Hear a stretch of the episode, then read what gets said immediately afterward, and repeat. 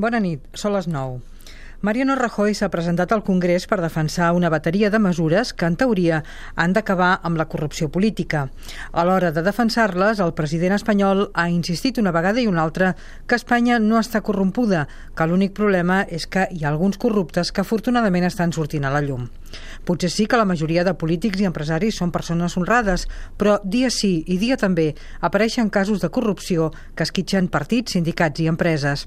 És molt poc creïble que un partit com el PP s'erigeixi el lluitador contra la corrupció quan pesen sobre ell els casos Gürtel, Púnica o el de les targetes opaques i de les seves files han sortit personatges com Carlos Fabra, Rodrigo Rato o Jaume Mates.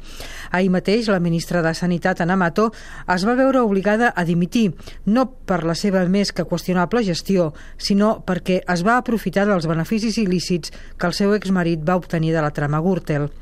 La corrupció potser no està generalitzada a Espanya, però arriba a la majoria de partits que han tocat poder, el PP, el PSOE, Esquerra Unida, Convergència Democràtica i Unió Democràtica, i també els sindicats que s'han beneficiat de subvencions i altres privilegis, com comissions obreres i la UGT. L'oposició ha retet a Rajoy que no està legitimat per combatre la corrupció, però hi ha oposició que potser tampoc no ho està gaire. Algun grup li ha demanat al president espanyol que faci foc nou i avanci les eleccions.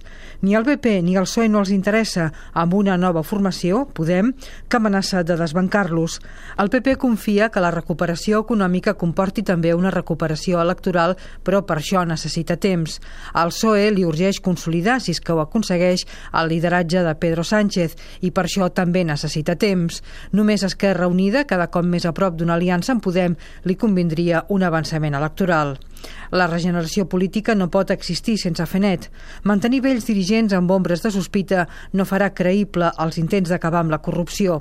Les mesures presentades avui per Rajoy són les mateixes o pràcticament les mateixes que ja va plantejar fa més d'un any. D'altres formen part de projectes de llei que el mateix PP manté bloquejats. Això tampoc no fa gaire creïbles les intencions del govern espanyol. Avui Rajoy ha dit que comparteix la indignació del poble espanyol. S'hi haurà d'esforçar una mica més perquè ens l'acabem de creure.